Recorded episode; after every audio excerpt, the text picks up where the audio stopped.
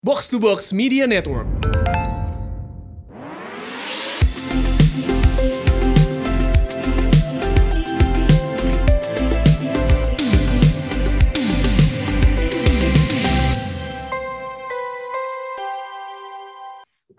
Ladies, welcome back to She Talks About bareng gue Elrika. Dan gue Mandy. Oke, setelah sekian lama kita agak lama nih men ya, gak, Sangat gak lama. podcastan. Akhirnya hari ini kita production lagi. Dan today um, udah ada siapa nih men yang mau kita ajak ngobrol hari ini? Oke, hari ini kita akan ajak ngobrol Jessica Martin, Hai. co-founder dari Grow. Hai Jess. Halo, Mandy, Elrika, thank you so much for the invitation. Kita yang say thank Kita you. Thank you dong. Jadi mungkin gue kenalin sedikit ya. Gue kenal Jessica ini udah cukup lama ya Jess ya. Jadi Iya. Jessica itu dulu kerja di uh, venture capital nggak usah sebut merek lah ya depannya. P gitu nah waktu pertama kali gue ketemu Jessica tuh Hmm. kayak gue ngeliat oke she's very pretty ya kan dan Jessica ini pinter Oh, nyanyi loh Oh. pinter nyanyi gitu Sorry for another day. Iya, multi talenta. Nah, tapi udah eh, udah lama nih sejak pandemi juga kita udah nggak pernah ketemu ya Jess ya.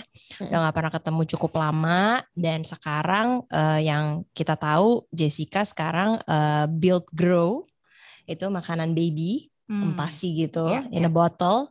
Eh, seru deh pokoknya ya. Nah, innovative. iya dan ini aku lihat sih growing banget nih Jess. Luar biasa Seperti deh kamu. namanya ya, emang Oh iya, pilih grow. nama nggak boleh. Oh. Iya, pilih nama harus benar. nama adalah Ada doa. filosofinya, iya. Nama Betul. adalah doa. Nah, Iya. mungkin Jess boleh ceritain sedikit sebenarnya Grow ini bagaimana sih apa dan kapan memulainya? Hmm. Boleh, boleh, boleh. Eh, kalau itu aku senang banget ceritainnya. By the way, itu mungkin bisa jadi panjang, so feel free to stop or pause me ya. Oke. with any questions ya. Kalau udah terlalu excited suka eh, ini sendiri seru sendiri. Um, kita mulai grow itu salah satu usaha yang eh, ini ya hasil pandemi ya karena di rumah gitu ya. Terus mungkin jadi ada lebih waktu banyak waktu untuk kayak reading lah gitu ya, reading the whole thing. Eh, akhirnya um, emang dari eh, dari dulu udah sempat kepikiran sebenarnya pengen ya jadi entrepreneur karena tadi Mandy cerita aku kan kerja dulu di eh, venture capital. Jadi ngelihat eh, sebenarnya ngelihat sendiri banyak banget startup loh yang berusaha uh, solving problems macam-macam gitu ya. Ada passionnya sendiri-sendiri. Nah uh, jadi aku lebih kayak oke I'll, I'll, I'll wait for uh, what caught my attention gitu ya. Dan um, as uh, you guys probably know atau Mandy dalam hal ini yang udah punya anak juga beberapa uh, that change in your life ketika lo become uh, a parent itu adalah perubahan yang besar banget lah ya more than anything I think that's like the biggest change anyone can ever go through um, maka pas dari punya anak itu uh, problemnya banyak banget ya. Waduh, masalahnya banyak banget gitu. Terus uh, gue juga merasa kayak resources yang tersedia di uh, market itu kayak kurang mendukung lah ya untuk perempuan itu melewati perubahan itu dengan lebih smooth gitu. Tantangan tentunya ada, tapi kayak gimana caranya kan sebagai society kita mesti punya uh, antara itu produk atau company atau program or whatever it is yang membantu parents gitu kan uh, go through that transitions. Nah, uh, salah satunya itu yang paling bikin frustrated itu adalah ngasih makan anak. Kalau buat gue ya, gak tau ya Ben, itu pengalamannya sama nggak tuh? Tapi buat kasih makan anak itu adalah yang paling paling stres lah among other things ya gimana uh, kalau dia lagi rewel atau lagi susah tidur tapi kasih makan itu adalah salah satu yang paling utama. Dan ternyata pas ngobrol-ngobrol sama teman keluarga uh, that thing keeps coming up gitu. Frustration itu keeps coming back. Anak gue nggak mau makan nih gue udah masak anak gue nggak mau makan. Kayak gitu terus. Jadi um, dari problem itulah um, sempat ngobrol sama salah satu temanku ex colleague ya, pas di venture capital juga. Nah dia ini uh, emang mindsetnya investor banget ya. Jadi pas aku cerita aduh gue frustrated banget nih. Jadi jadi ini, ini jadi new mom nih ngad- ngadepin A B C. Dia bilang ah, wah is there is that uh, is there an opportunity for us to create a solution? Gitu. Menurut lu ini problemnya banyak nggak nih orang yang ngalamin? And of course the answer is yes gitu kan. That's why kita bikin grow gitu. Jadi uh, sebetulnya kalau ditanya kenapa sih pilih baby industry atau pilih F&B gitu ya aku nggak berangkatnya dari idenya produk kayak langsung pluk tahu mau bikin apa. Tapi lebih kayak karena ada frustration kali ya. Ada satu frustration ada satu masalah terus ngobrol-ngobrol sama um, beberapa temen yang emang mindsetnya lebih uh, lebih investor lah ya. Jadi problem equal solution that mindset. Akhirnya uh, ya udah deh kita kawinin itu pemikiran-pemikiran itu dan uh, ja- lahir lah grow gitu. Hmm, jadi Grow ini lahir kapan, Jess? Agustus Tahun. 2020 Agustus 2020. Hmm, masih baby juga ya Menarik belum sekali. lulus belum lulus MPASI kalau jadi bayi. Tapi kemarin dengar-dengar dapat pendanaan ya. puji Tuhan ya ada Congratulations. ada beberapa angel investor juga yang memang uh, believe in the problem we are trying to solve dan uh, ya hopefully kita bisa dengan bantuan pendanaan itu kita bisa bantu lebih banyak orang tua ya that's the hope Hmm. Amin, amin, amin, amin. Menarik banget loh. Soalnya gue ngelihat juga kayak em, memang belum apa ya, belum banyak ya produk yang seperti ini gitu, especially mungkin di Indonesia gitu kan. Mungkin kalau gue udah nggak se-frustration itu, mungkin karena anak gue udah lebih gede, frustrationnya lain lagi gitu, kayak Iya. lebih rewel lagi gitu kan, kayak masalah misalnya sayur dan lain-lain tuh lebih kayak susah gitu. Tapi eh, I know kalau misalnya eh, apa namanya kayak dari Jazz sendiri gitu kan ngelihat itu sebuah problem dan bisa di-solve sih, aduh it's a very innovative uh, thing to do Iya. juga ya gitu kan. Walaupun Aku- problem iya. new mom banyak loh. New mom banyak Iya, banget itu Kalau aku banyak kurang banget. tidur bisa nggak ada solusinya? minum obat tidur bu. tapi I I will not ini sih I will not take credit for the innovation ya Um, Hmm. apa di idenya karena dibilang eh, Grow ini idenya oh baru ya betul cukup baru specifically di market kita tapi Hmm. kalau kita benchmark dari negara berkembang yang lain ya Yes, sebetulnya betul. banyak loh disruptor Mm, mm, mm. di eh, kategori baby food cuman Hmm. emang kalau untuk market kita specifically kalau kita bilang baby food uh, up until like recently orang berpikirnya langsung uh, spesifik brand yang udah been there for a while gitu ya Hmm, hmm, atau hmm. kalau dibilang baby food uh, beli baby food aja oh berarti orang berpikirnya instan atau Instan. things that are ultra processed gitu kan jadi emang uh, aku ngerasa juga dari sisi market kayak kok kenapa ya market ini besar sekali tapi kayak nggak banyak disrupsinya gitu yang terjadi gitu maybe this Hmm. is the time Mungkin ini juga sih pertanyaannya. Mungkin karena ya I don't know ya. Mungkin the challenges juga untuk create the product atau apa yang membuat mungkin orang nggak akan apa ya nggak banyak yang menyentuh gitu this area kan ya. Karena Jadi for me kalau- personally udah pikirin udah ribet itu. Iya. Food itu kan nggak segampang itu apalagi Jess bilang ini not instan kan. Hmm. kita ekuivalennya seperti restoran lah ya. Kalau kita Hmm. orang dewasa nih, misalnya kita lagi eh, eh, nggak sempat masak gitu ya, pilihan kita banyak banget kan. Obviously kita nggak langsung kayak ambil mie instan, terus kita cuma bisa makan mie instan kan nggak kayak gitu dong. Buat kita orang dewasa banyak banget, tinggal tik tik tik tik nyampe gitu ya. Hmm. Nah kalau buat baby food itu kenapa sih kok solusi yang sama nggak ada di situ gitu? Kenapa kok kalau misalnya nggak sempat masak opsi yang ada cuma instan doang? Nah, I feel Hmm. like it shouldn't be apa ya? uh, it shouldn't be that way gitu. Parents should not have to choose between just that two options gitu. Makanya kenapa kita pengen ada uh, solusi yang fresh. Nah kita itu makanya setupnya sebenarnya lebih ke uh, seperti restoran gitu. Jadi kalau ngomongin misalnya licensing atau izinnya itu kita adalah uh, penyedia jasa boga gitu kan, uh, yang Hmm. uh, kitchen kita dalam hal ini berarti kitchen kita harus go through certification dari dinas kesehatan. Kayak di make sure lah misalnya uh, air yang digunakan untuk masak, bahan baku yang digunakan untuk masak, nggak boleh ada uh, pencemaran gitu ya, baik dari mikroba maupun uh, kayak misalnya heavy metal atau Hmm. ada misalnya pengawet-pengawet gitu ya yang tidak uh, apa uh, yang yang berbahaya. Nah itu uh, kita lebih mirip sama kitchen setup. Jadi bener banget kita fresh. So uh, majority of our products juga sebenarnya masih pre-order. Jadi mungkin itu kali ya uh, yang uh, apa ya kadang-kadang trade off-nya ya dari fresh itu ya obviously oh jadinya harus ada waktu tunggu misalnya untuk ordernya kayak gitu. Jadi ada hal kayak gitu yang obviously ke depannya kita juga pengennya semakin apa ya semakin memperbaiki experience dari customer lah ya gitu. Kalau dulu misalnya kita waktu mulai itu PO-nya lama nih beberapa hari. Oh sekarang kita udah eh, sebagai bisnis kita akhirnya make the decision untuk oke kita eh, tanggung risk-nya kalau ada barang yang kita masak nggak kejual tapi akhirnya dengan kita taking that risk customer sekarang bisa lo pesen di eh, ojek online gitu. Hmm. Tapi tentunya dari bisnis kita jadi ada risk kan. Oh makanan yang udah disiapin nih ya rusak. Kalau dulu kan PO enak ya. Ya. Cuma orang pesen kita baru bikin. Jadi nggak ada waste. Tapi buat customer kita ngerasa aduh kasihan juga ya parentsnya harus nunggu. Atau kadang-kadang dia butuh dadakan misalnya apalagi kemarin sempat berapa kali gelombang covid naik itu orang tua banyak yang harus tiba-tiba harus isoman. Aduh hatinya tuh kayak Hmm. kalau bilang aduh nggak bisa ya mam nunggu berapa hari lagi tuh kayak gak enak banget kan. Jadi kita akhirnya ya udah deh kita make that decisions. Oke kita ada risk untuk uh, ada waste dan ada kerugian tapi sekarang kita bisa serve customer better loh dengan dia bisa pesan instan gitu. Jadi sekarang bisa di order dari ini Gojek, bisa GoFood. bisa Oh, soft sell ya Kita pelan-pelan Serpong iklan. bisa, tapi Serpong ya bisa. bisa Serpong bisa, Eh, Jess. nyampe cuma ongkirnya mungkin Nyampe. agak mahal Eh, nyampe aku nyampe aku lagi bayar yang free ongkir. Jadi Oke, ya oh, itu ya. Tapi bisa Aduh. berarti masih seger, masih fresh. bisa Kitchennya di mana sih, Jess? bisa Eh, Jakarta Barat Eh, Ah. kita kita nggak pakai preservative ya so the only eh, the only apa help that we get untuk bikin ini lebih shelf stable adalah temperature control jadi ada yang Hmm. di chill ada yang di freeze tergantung the produk kategori Oh. Iya, Terus kan iya, kalau bisa kasih makan, aku punya pertanyaan nih Jess. Kasih makan baby itu kan ya ya, kamu bilang kan susah-susah gampang. Kita berpikir maknya pikir ini udah enak banget gitu. Pas nyampe di mulutnya dia, eh tata dilepeh gitu kan. iya iya iya Nah itu testingnya Itu gimana? gimana? Ada nggak lucu Ya. itu kayaknya kalau boleh cerita? anaknya sendiri. Kayaknya ke Joey ya. emang emang itu apa ya aduh the art of ini ya feeding kids itu wah nggak tahu siapa yang master ya kita juga nggak nggak akan ngeklaim kita udah master master that Hmm. art gitu ya tapi yang kita lakukan at least uh, the things that uh, we've done and has been working for us itu adalah uh, yang trial makanan grow itu justru dewasa Um.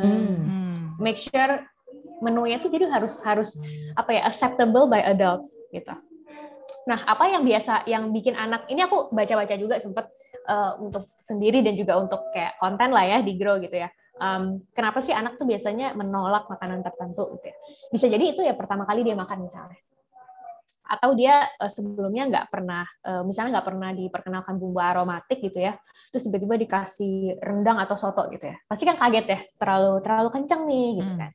Uh, makanya kenapa kalau di Grow itu uh, justru prinsip kita adalah kita perkenalkan sedini mungkin supaya anaknya itu um, reaksi terhadap makanan baru itu eksploratif. Jadi when you see something new, there's two way for you to uh, react, right? Oh, I'm very interested to try this. This is new. Or ah this is something new, I'm not familiar and I don't want it, gitu kan. Nah, jadi yang mau kita uh, biasakan dari kecil itu adalah si uh, reaksi itu supaya jadi adventurous eater, call it. Bukan picky eater, justru kita maunya anaknya jadi adventurous eater. Nah, caranya gimana nih? Tentunya effortnya banyak ya, tapi salah satunya kita mau coba bantu adalah dengan over variety untuk parents gitu. Jadi Hmm. home cook meal sesekali iya, tapi mungkin kalau masak sendiri di rumah, wah mikirin menunya masak makan sendiri aja bingung ya, apalagi untuk Hmm. anak kan. Jadi ya, kita coba bantu itu supaya anaknya hopefully when they're exposed to enough varieties, they become adventurous eater. Jadi supaya nanti pas sudah uh, toddler, pas sudah lebih gede, udah lebih bisa mengekspresikan diri, dia juga akhirnya adventurous. Karena uh, kalau yang kita notice itu uh, pengalaman juga dari kayak beberapa sepupu atau aku sendiri ya. Karena waktu awal kan belum terlalu banyak lah ya. Kalau misalnya dua tahun lalu waktu baru jadi parents uh, bacanya belum terlalu banyak belum terlalu ngerti. Akhirnya aku mencoba masak sendiri karena pengen kasih fresh. Uh, yang dimakan tuh menunya paling dalam seminggu maksimal ya berapa ya mungkin nggak nyampe 10 lah ya di di di rotate aja bolak-balik nanti lusanya makan yang sama. Nah akhirnya uh, to be honest anakku sendiri juga sekarang aku masih sampai struggle, aku masih struggling ya dan, dan berusaha untuk uh, gimana yang merubah dia supaya jadi adventurous eater sedikit terlambat um, karena dulu dia variety makanannya gitu-gitu aja sekarang kalau ada yang baru dia reaksinya masih belum terlalu adventurous gitu masih kayak picky gitu. Nah itu something yang uh, aku pengen ajak juga sih moms kayak ayo kita bikin anak kita jadi adventurous eater gitu dengan kita kasih variety of food um, dan juga uh, jangan apa ya uh, anak itu kalau misalnya nggak mau sekali itu jangan langsung nyerah karena biasa butuh uh, butuh familiarity itu kan comes with frekuensi juga ya gitu Nah, jadi itu yang aku coba terapkan. Jadi misalnya si Joey pertama kali kasih makan gak mau, biasanya nanti beberapa hari kemudian aku akan coba lagi. Kalau aku sendiri rule of thumb ini kalau dicari di uh, bacaan-bacaan itu biasa rule of thumb-nya 10 kali, tapi aku kayak nggak sanggup sih. Biasanya aku kasih coba Baru maksimal sampai lima kali. Sabar At least. ya. Iya, kayak at least lima kali gitu. Eh, maksudnya aku kenalin lagi, kenalin lagi, dan eh, to be honest, eh, so far dengan pengulangan itu rata-rata barang baru itu dia mau terima sih, rasa baru itu dia mau terima. Hmm. Gitu. Jadi Ya. eh, butuh kedua ketiga kali lah gitu untuk eh, sampai dia mau. Gitu. I see. Tapi setuju sih. Kayak anak-anak aku yang paling gede itu picky eater banget. Karena ya itu dia, karena kita new mom, ya kan? Terus kita juga nggak ada waktu karena kita working mom gitu. Jadi Mm-mm. menunya itu aja sehingga Mm-mm. ketika dia sekarang udah mau empat tahun, aduh susah gitu loh. Istilahnya nggak bisa apa yang di meja makan tuh dia dia makan gitu. Hmm, Jadi kita harus bener-bener nyesuaiin yang menu yang kayaknya dia suka dan Hmm. kita aja orang dewasa ngeliatnya kayak bosen gitu. Hmm. Mm-mm. Tapi kalau El lebih galak dia, Kalau nggak mau makan sesuai di meja, sudah. Nggak usah makan. Nggak usah makan. Gitu ya. Emang harusnya gitu, cuma aku juga masih belajar untuk lebih disiplin sih. Kadang-kadang eh, kalau aku udah tahu mau perkenalin sesuatu yang baru, aku udah ada backup dulu yang familiar. Jadi kalau Iya. in case dia masih nggak mau nih after Oh. the second try, ya udah deh kita nanti next time ya kita coba lagi. Gitu. Iya, iya. Kadang kita jadi mama tuh nggak tega kan. Mm-mm. Ya, masa anak gue nggak makan gitu kan. Iya. Betul. Tapi memang ya certain things tuh gue memang mengharuskan dia untuk mencoba dulu. At least you try gitu. Kalau emang lu nggak suka, ya udah gitu. Tapi kalau misalnya emang eh, yang ada di meja juga tetap rewel gitu kan, maksudnya ya kan apa yang disediakan lo harus makan gitu. Benar, benar. saya galak Iya. gitu. Jadi yang usah makan sekali. Tapi memang benar tips new mom itu yang bakal aku kasih tahu juga sih ke misalnya eh, ibu-ibu baru gitu ya. Maksudnya lu spend energi juga deh untuk diempasi itu tuh sesuatu yang penting gitu. Iya, iya. Kayak itu yang nggak nggak gue terlalu pikirin gitu loh Mm-mm, saat mm-mm, itu saat anak pertama Hmm. gitu. Tapi maybe ada journey-nya juga, men. Karena mungkin gini, ini yang observation gue ya gitu. Kayak misalnya eh, anak gue dulu oke banget nih makan apa aja yang misalnya kayak yang eh, empasi segala macam ya gue kasih semua Hmm. actually gitu kayak ya anything lah gitu. Sayur juga masuk. Tapi once ke agak gedean gitu nanti berubah lagi. Ke agak gedean lagi dia oh, Berubah dia lagi. bisa bisa nih udah bisa nerima yang A B C gitu misalnya. Jadi ntar berubah lagi gitu. Jadi kayak ada journey-nya juga gitu menurut gue. Iya, Iya enjoy makanya aja, Mam. enjoy aja mam. Enjoy ya. Setiap umur kita harus lebih cerdik dan pintar. Oke. Aku masih Yes. deg-degan nih, aku masih belum nyampe nih journey-nya. Oh, belum ya? Umur umur berapa sih Joy sekarang? Dua setengah, Oh dua setengah. baru dua setengah. Iya, jadi aduh masih panjang banget ya, Bun. Sangat bun. So, Jess, gue tuh pengen nanya deh, kan eh, tadi eh, Mandy sempat sharing juga kalau Jessica background lebih di profesional gitu kan, di company ya, Yes, pernah di company ya. Terus kalau sekarang eh, lebih punya usaha sendiri dan segala macam, apa sih yang apa ya, maksudnya perbedaan apa yang lo rasain terus sama kayak tantangannya beda nggak sih gitu? Waduh, beda banget. Hmm. Beda banget. Em, harus lebih ini sih. eh, sekarang tuh lebih apa ya? eh, di ditantang untuk lebih selfless. Maksudnya ketika Hmm. kita bicara kita berkarir ya di suatu perusahaan, eh, at least for me ya ini I I can speak for everyone. Kalau dulu aku pikirin ya karir progression aku aja dong. Habisnya aku mau ngapain nih? Kapan nih gue dipromosi gitu kan? Eh, tapi kalau sekarang posisinya aku harus eh, mikirin timku gitu kan. Aku pengen tempat eh, tempat kita bekerja itu bukan cuman sekedar mereka mencari penghasilan, memenuhi kebutuhan sehari-hari, tapi benar-benar bisa bantu mereka jadi tempat grow. Jadi grow ini buat eh, tim membernya itu bisa jadi tempat mereka buat grow juga. This is not their Hmm. final uh, destination gitu. Pengennya habis ini apakah jangan-jangan setelah eh, bekerja di grow, oh dia bisa dapat ide dan pengen terinspirasi jadi entrepreneur misalnya. Itu uh, I'm I'm I'm hoping that would happen gitu to my team. Uh, Hmm. Mungkin itu ya entrepreneurship. I I really feel like it's a lot about uh, people juga ya, people skill ya. Um, aside from of course you have to make a good business decisions and everything, you learn to be more decisive of things. Um, but uh, a major part of it, at least for me, I'm a very people person. For me, is the the fact that now I have to think uh, more about others gitu than myself. Boro-boro lah ya mikirin uh, ibaratnya kayak gaji sendiri. Mikirinnya tim dulu gitu kan. Can I can I uh, help everyone meets their needs gitu. Lebih ke situ. Can I help them grow?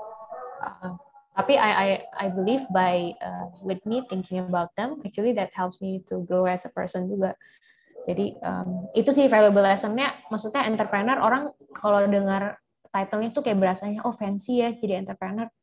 Uh, unless you're ready to make the sacrifices and you're ready to serve your team to be Hmm. the last person at the very back pushing everyone forward. Wah, please Benar don't gitu. Jangan dia jangan mulai sesuatu karena aku Hmm. dibilang dibilang enter- entrepreneur gitu.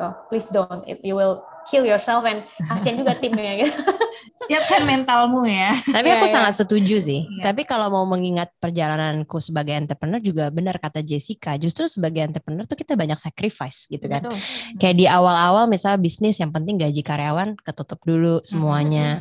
Buat gue belakangan. Tapi yang lucu adalah kita keep on going gitu ya. Apalagi aku aku bisa ngerasain banget kayak Jessica kan maksudnya lagi merintis nih. Ini ini justru seru-serunya Jess. Kayak Aduh. gitu ya. Walaupun walaupun stres, tapi Iya, you will iya, miss, you will miss that moment Ah, gitu. Karena oke. karena momen membangun itu tuh somehow susah, tapi tuh kayaknya dapat energi aja gitu terus to Iya, iya, to keep iya. ongoing. Dan tadi kamu bilang kayak wah ini very passionate banget nih, bisa tolong di stop. Itu berarti aku bisa menandakan you really love your business and that's good gitu. Iya. Gitu. Another valuable lessons um, mungkin sedikit uh, apa ya not really about like a skill or something tapi uh, in general about life like how to navigate itu benar-benar perlu ini ya uh, believe and uh, surrender in a higher power whatever that forms and that works for you Hmm. I think that's one thing that you need to have as well. Karena there are just so many things that is out of your uh, Hmm. control. Gitu. You can you can plan. It's good to make a plan ya. Maksudnya it means you are being prepared. So when you are faced with uh, apa ya uncertainties, when you are faced with like sudden change in situations, you know you have an excellent plan in in place. Tapi just um, apa ya, the fact that you have to believe in something uh, and have that itu capability lah to surrender gitu and believe that the best is yet to come gitu. Pokoknya setiap kali lagi agak down atau lagi uh, mungkin di kondisi yang kurang kurang oke lah ya nggak sesuai harapan harus bisa itu ya the one thing that keeps you going adalah hope and believe that the best is yet to come gitu. Ini belum endingnya kayak gitu. Hmm. Itu uh, itu juga harus bisa lah dimilikin kalau if you are considering to be an entrepreneur. Ya, I can relate. I can relate. Jadi misalnya kalau jadi entrepreneur nih cash flow-nya lagi agak gimana ya Waduh, kan? spesifik Iya. banget. Dan Iya, waktu benar-benar. dan waktu sudah mau gajian. I've been there. Iya. Cuma bisa lihat ke langit Tuhan. What should I do? Iya. Ya maksudnya tadi emang surrender dan minta wisdom sih kalau ya aku Mm. ya. Jadi kayak tiap hari kayak harus gimana? Karena beda nih decision maker semua kita kan. Hmm. Gitu dan harus kayak gimana strategi kita tiap hari mikirin itu gitu loh. Oke, berarti kalau misalnya kita eh, apa namanya obrolin tentang Jazz dikit nih, live-nya kan jadi udah jadi mompreneur nih ya ceritanya ya kan? Ada istilah baru ya. Iya, mompreneur. lah ya.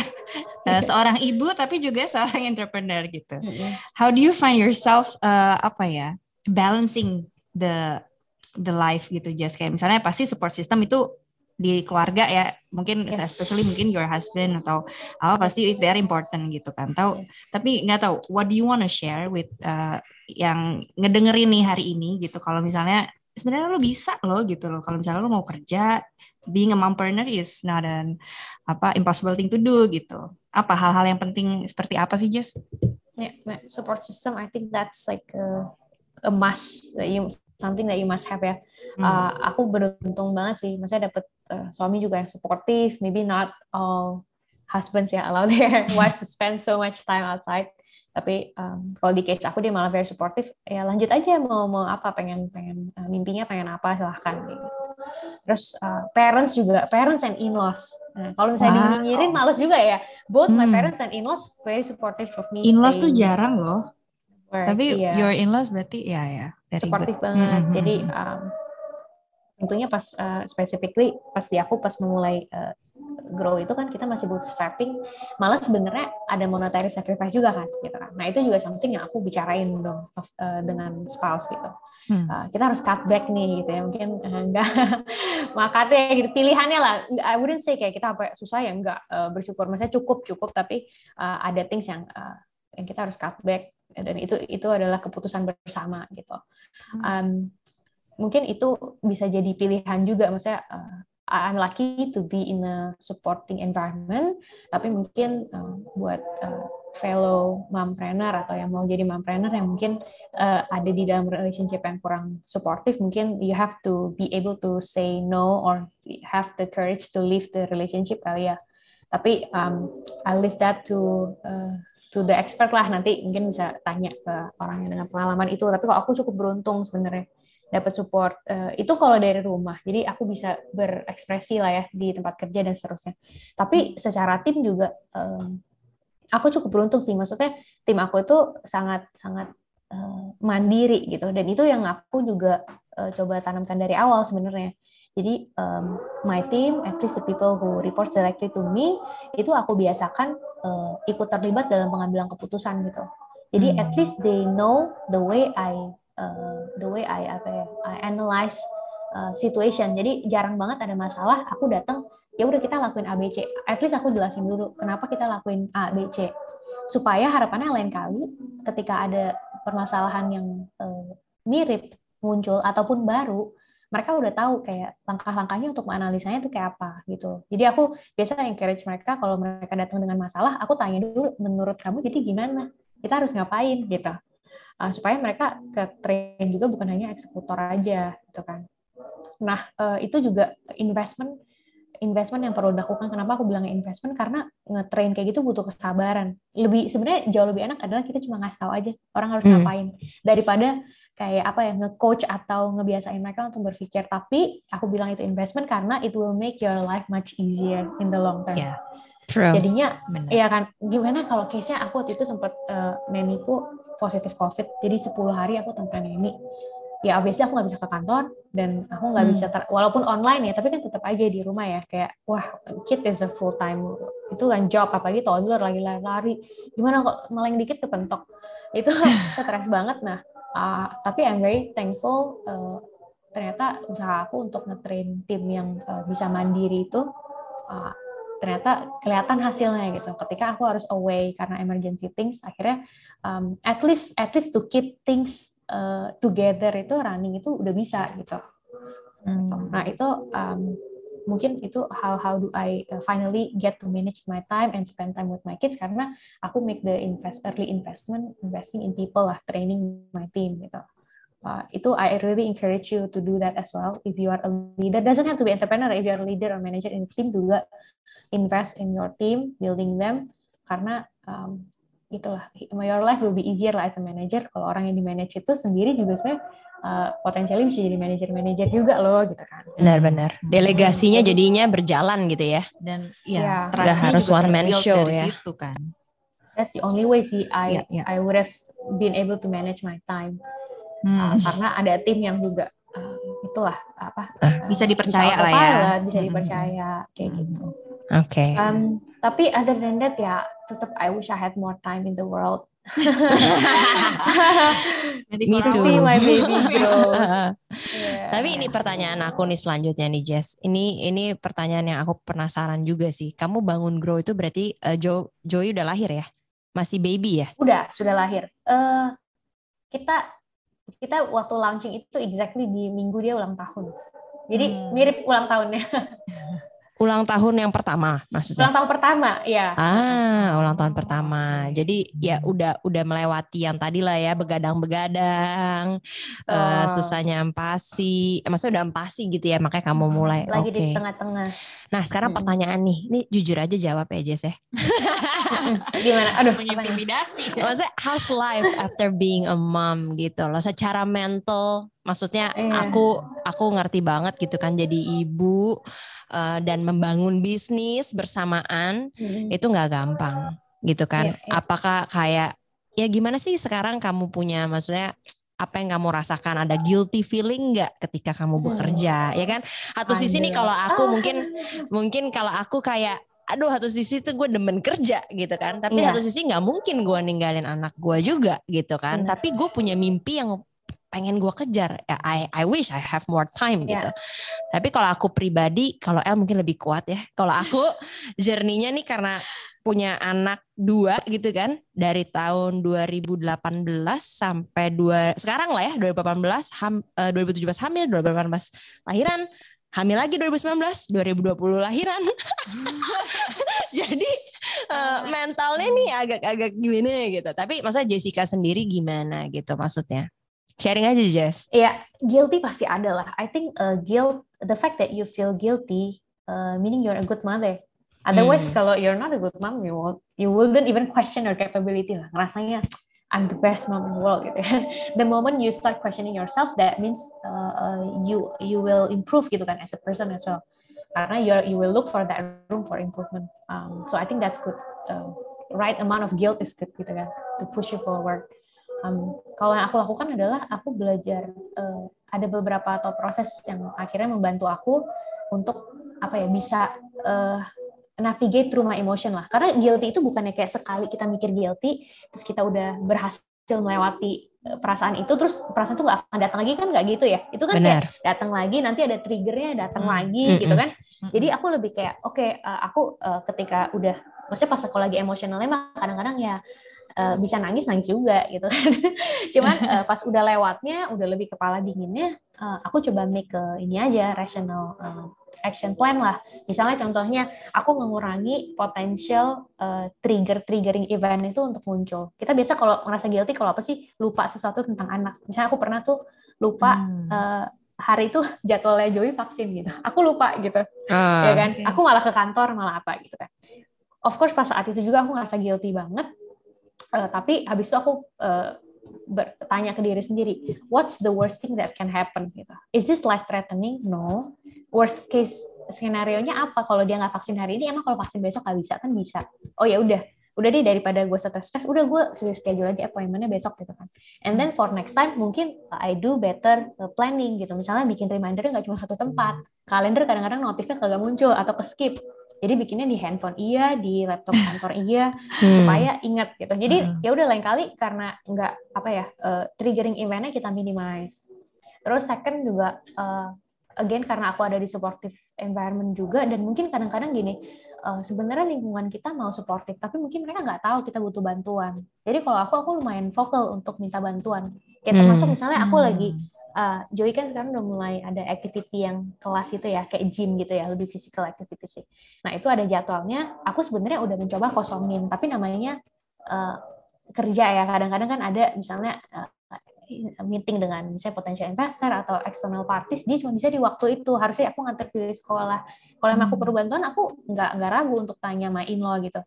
Eh, ini besok sibuk nggak? Boleh nggak tolong anterin Joey? Aku ada perlu ke kantor nih kayak gitu. Nah itu aku mikirnya juga ya itu win-win sebenarnya. Hmm. the grandparents mungkin juga pengen banget sering-sering take away the kids gitu ya for a sleepover. Tapi mungkin nggak enak sama kita. Jadi um, aku nggak pernah ragu untuk minta tolong kalau emang aku lagi overwhelmed termasuk getting help like a nanny gitu ya. Hmm. uh, terserah dia orang mau ngejudge gitu misalnya ah ini nggak hands on nih cuma maunya uh, tinggalin doang gitu ya kerja gitu ya. Uh, selfish kayak uh, I don't care what people say I'm not the best mother in the world but I'm the best mom for my kid gitu aja.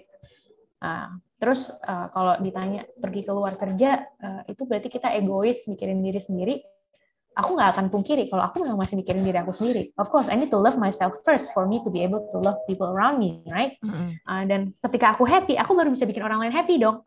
Hmm. Iya kan? Setuju. Prins- prinsipnya Wow. kayak kita di pesawat lah, kita di pesawat emergency ya. Si flight attendant-nya selalu bilang, lu selamatin dulu diri lu, baru selamatin Iya. orang lain gitu kan. Jadi Hmm. prinsip aku kayak gitu. Kalau aku sendiri drowning, I'm sure I will not be able to pre- apa be, be present for my husband, for my kid. Jadi ya True. udah, penting aku happy dulu. Kadang-kadang aku nitip anak cuma buat apa? Aku pergi mani pedi. It's okay gitu loh. Ya kalau sebulan dua bulan sekali gitu ya, Betul. dua tiga jam. Ya betulnya I kenceng. Itu wajar. Wajar, Wajar. wajar. I Betul, would betul. ask for that help gitu. Uh, Betul. Jadi nggak, uh, aku nggak gitu apa ya. uh, harus makin ini ya, makin bisa memilah-milah apa yang mau didengar atau enggak gitu. Whatever you do, there are people that's gonna hate you. Emang mereka bantuin kamu gedein anak kamu kan enggak ya. Hmm. Jadi ya udah ya gitu ya. Betul. Jauh-jauhin Iya, aja kalau ada yang bikin stres, ada yang suka nyinyir, di mute aja Instagramnya, nggak usah diliatin. Gitu. Berarti nggak satu vibrasi gitu ya? Iya. Iya. ya udah kita um, yang penting kitanya happy anak kita juga happy kan kalau aku juga nggak aim for perfection maksudnya perfection di sini uh, umur 2 tahun harus udah bisa baca atau apalah misalnya ada mungkin orang yang akhirnya put pressure kayak gitu kalau aku lebih pentingin uh, anakku happy gitu Nah, jadi yang aku biasa tanya dia kalau malam adalah Joy happy nggak hari ini? Gitu. Dan Hmm. aku juga uh, aku mencoba apa ya look at the silver lining the fact that I'm not spending the whole day with her uh, meaning I have a lot of things to talk about with her pas ketemu. Uh, apalagi sekarang dia udah mulai bisa ngomong dikit-dikit ceritanya gitu ya walaupun mungkin orang lain nggak ngerti yang ngerti cuma emaknya aja. Hmm, hmm, jadi aku biasanya tanya dia tadi jadi tidur siangnya sama siapa kadang-kadang kan bisa sama grandmanya atau kadang-kadang sama Neni kan Ah, tadi main apa Em, kalau dia ke taman misalnya tadi taman lihat apa kayak gitu jadi ya udah kita jadiin bahan ngobrol aja kalau bareng terus kan mungkin juga nggak ada yang bisa diomongin deh Iya, iya, iya. Tapi itu itu bagus sih menurut gue. Jadi kayak misalnya lu tetap nge-recap eh, apa nih, what's your day gitu kan. Hmm. Ngebiasain anak juga untuk bisa sharing ke kita nggak sih? Gitu. Iya. Maksudnya open juga ke maminya gitu kan. Dia bisa share apa pun gitu. Jadi I think it's, it's good sih. Tapi aku suka banget sih Hmm. statementnya Jessica. Emang benar maksudnya kadang-kadang kita jangan lupain gitu loh. Walaupun kita seorang istri, seorang ibu, Hmm. kita tetap seorang pribadi yang tetap Betul. iya kan, Kita tetap harus hold dulu nih. hold dulu. Mm, Kalau nggak iya. kita gimana nyampe rumah juga aku ngerti banget tuh kalau aku lagi bener-bener drowning gitu ya, anak-anak kayak mami, mami, mami. Padahal misalnya masalah sepele gitu Ah. kan. Ah, Tapi karena kitanya lagi capacity-nya lagi udah energi nggak ada. nggak ada, dan- yang ada hmm. malah jadi nggak bagus gitu loh. Ya. Jadi ya makanya suamiku juga untungnya kayak udah sana pergi dulu deh gitu dan nangin Hmm, waktu dan lain-lain. Penting. support sys- apa support system ya. yang- Bukan egois loh. enggak enggak egois. Emang kita perlu gimana dong? Kita harus healing ourselves ya kalau misalnya Iya kalau bahasa sekarang healing ya. healing ya. Healing ya. Jadi pakai kutex.